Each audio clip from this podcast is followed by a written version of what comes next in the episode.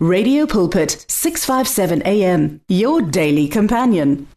Eh momamedi re re dumedisa. Hape hape ka le matla la Jesu Kriste wa Nazareta. Eh o dumedisa ke David Mashele from Soshanguve. Ke o dumedisa ke le mo moyeng mo la Radio Pulpit. Re dumedisa mo le moteng re re modimo ka a o hlonolofatse. Modimo a go etsetse ka o loka. eh modimo a o hlonolofatse le ka molapeng mo le moteng mo mosebetsing ho tsotlhetse o di etsanye eh, re re modimo a o fe matla ntho e re e bolelang e na le matla ntho e re e bolelang eh, e ya hlola hallelujah so today ke batla go go encourage eh ke go encourage wena o khone o ba le khotlello o khone go ba le go ikemela ke tlo bolela ka gore become a hero e tlhahella gore o be mogaka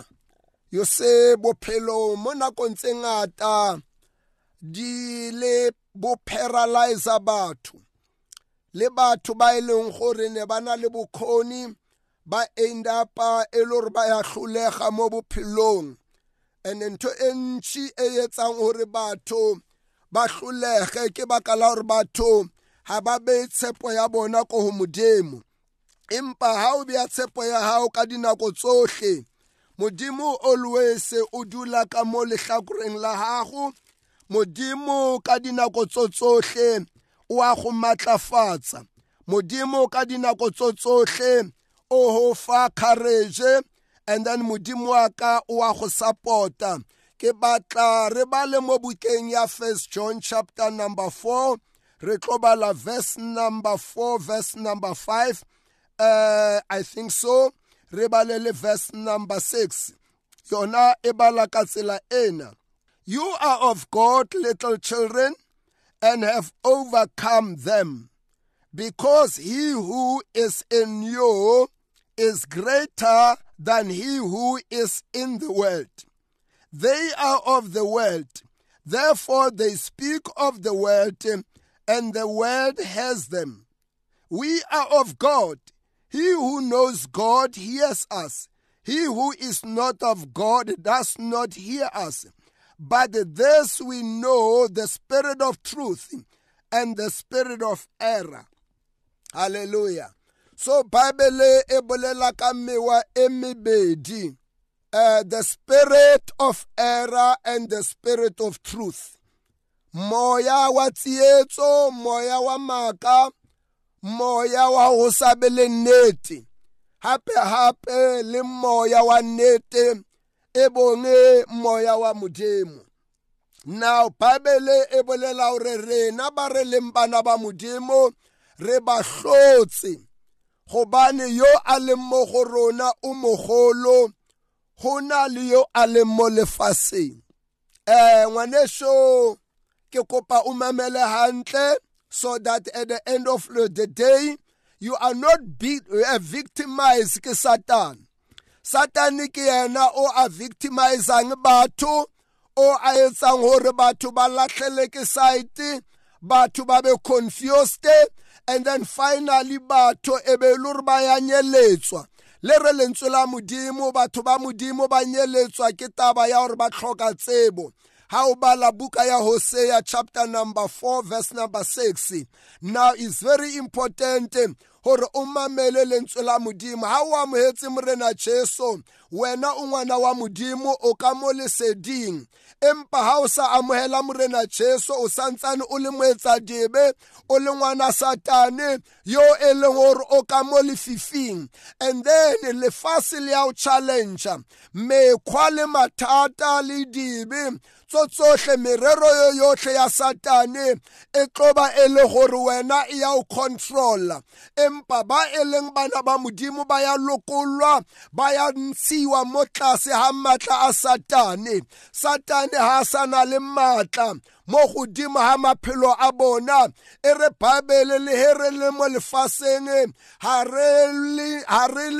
ba lefase e re gape-gape ditlhabano tsa rona tsa ntwa ga e se tsa nama empa di na le maatla ka modimo go diga dikago tso tsotlhe tsa phemelo so ha o na le morena jesu e re baebele wena o a tlola gobane morena jesu kreste o mo bophelong ba gago morena jesu kreste ke yena o a laolang gape-gape ke yena yo a sebetsang mo bophelong ba gago modimo a ka o hlonlofatse ke batla re ye mo bukeng ya first samuel chapter number 17 re bale verse number 31 and then re tswele pele re tlo leka bala very fast modimo a ka a re verse number 31 uh, second, I mean first Samuel 17. Now when the words which David spoke were heard, they reported them to Saul, and he sent for him. Then David said to Saul, Let no man's heart fail because of him. Your servant will go and fight with this Philistine. Hallelujah. Now, by Israel, bakontweng khatlanong le ba Philisteta. e re babele ba filisita ne ba na le monna wa moganka o a neng a bidiwa goliate ne e le ena champion ya bona ba ne ba beile tshepo ya bona mo go yena Goliath o ne a ya and then a facea masole a soulo a goeletsa a ba threatena a re mpheng monna mpheng monna he monna ola a ka fenya a mphenya go raya gore rena bafilisiti ba botlhe re tlo ba re fentswe empa ga nnang ka mo fenya go raya gore lena baiseraele ba botlhe le tlo ba le fentswe le tlo ba madira kapa makhoba abafilisete wow what a statement ngwanesho e re ko bolelele satane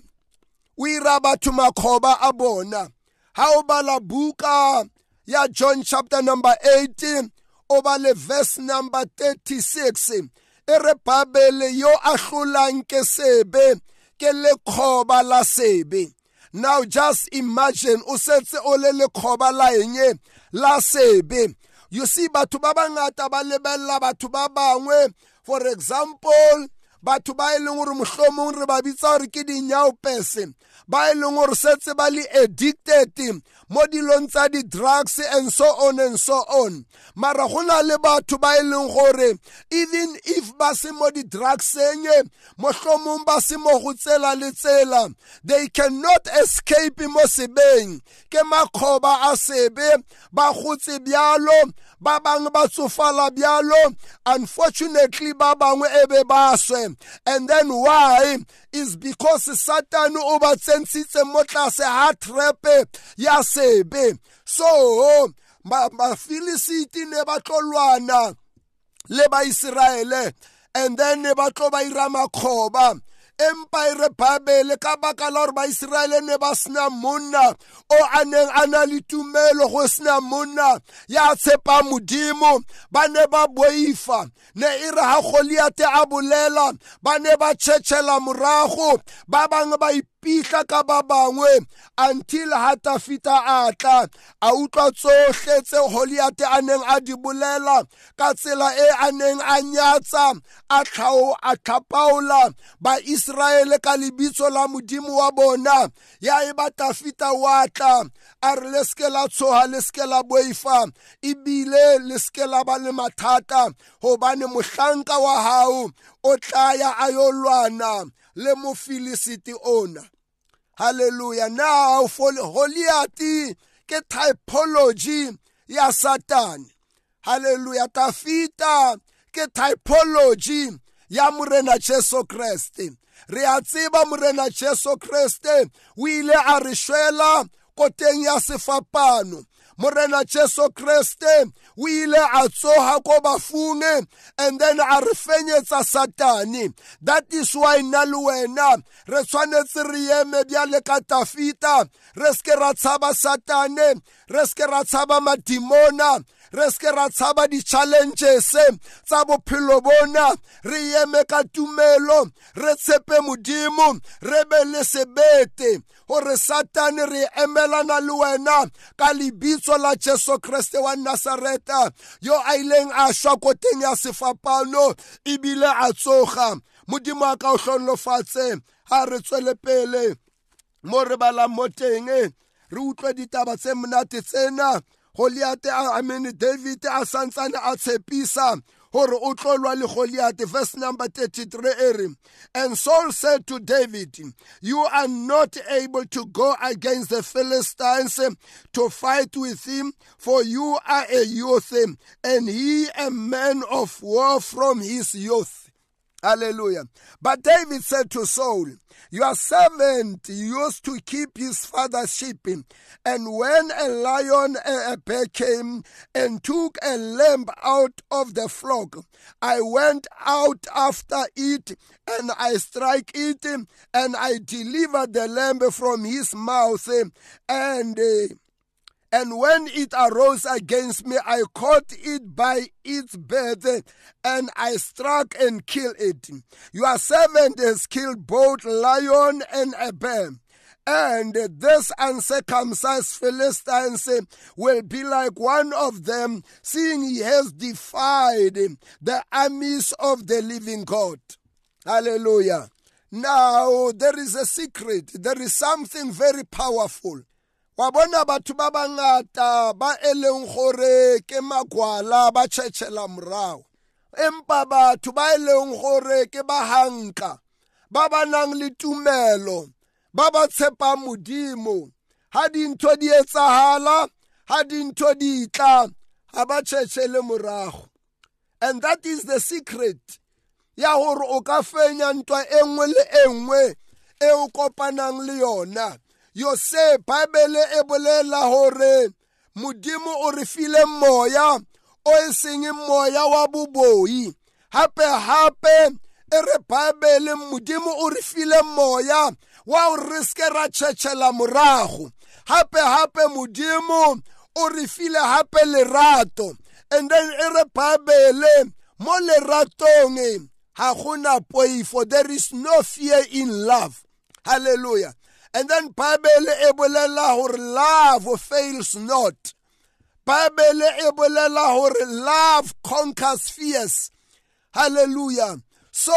ha o ka lebella ntho ena ha se ditlhabano tsa nama empa ke ditlhabano tsa semoya and then mo tabeng tsa modimo ngwaneso ha o no fenya fela o tshwanetse o understande a strategy se modimo a berekang ka sona hore wena o khone hore o hlole number 1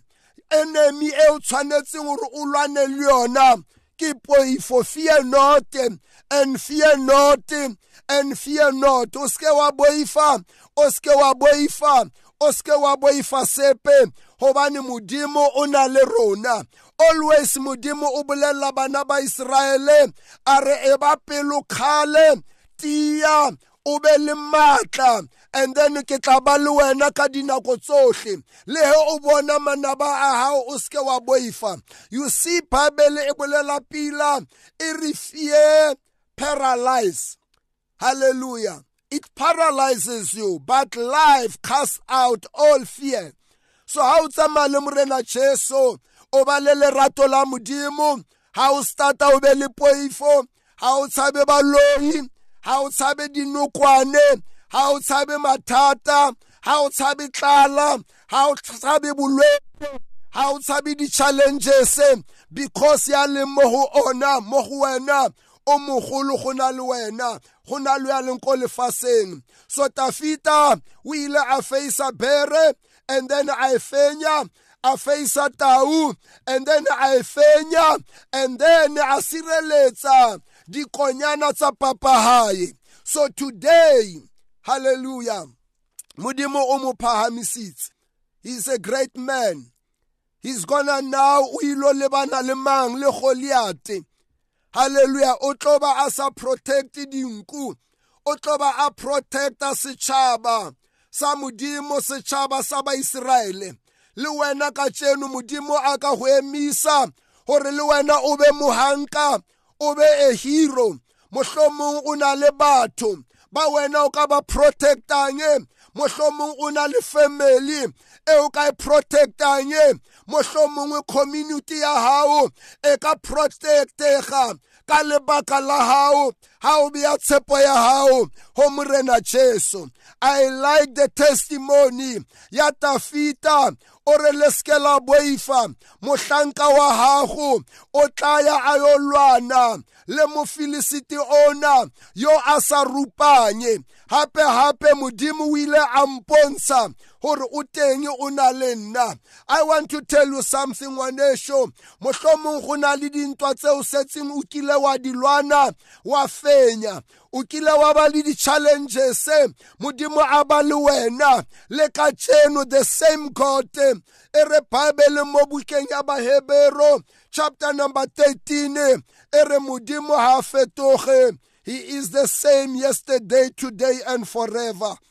hallelujah he a kile a o protector o santsane a tla o protector ha kile a o phahamisa o santsane a tlo phahamisa e re re tswele pele re bale verse number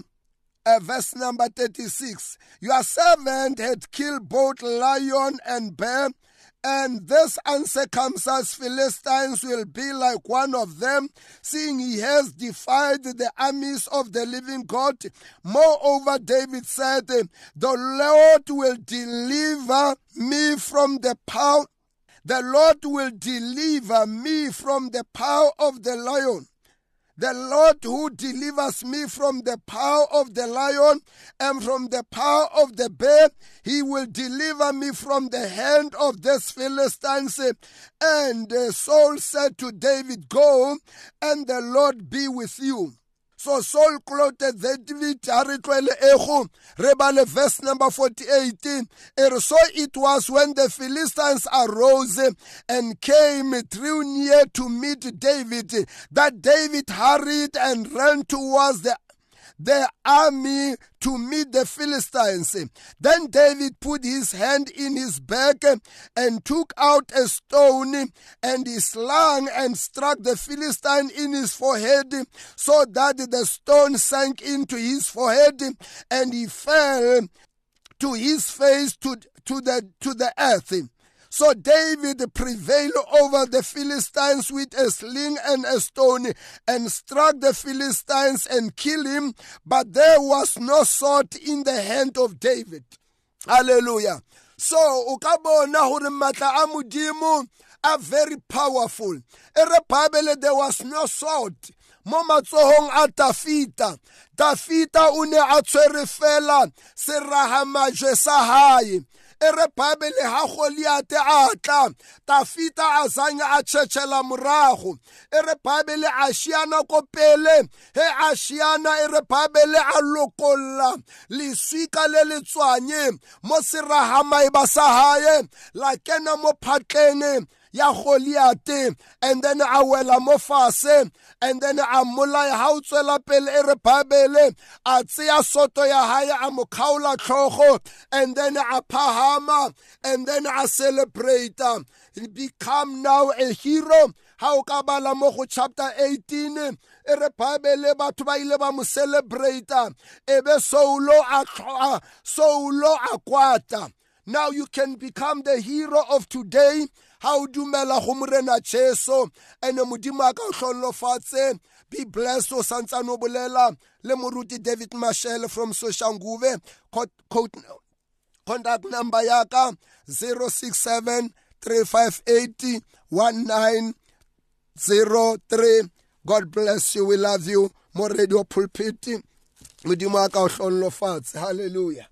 we give you honor and glory modimo re a leboga ka lebitso le la ke bamamedi ba botlhe ba tate ba etsetse ka ka lebitso la jesu wa amen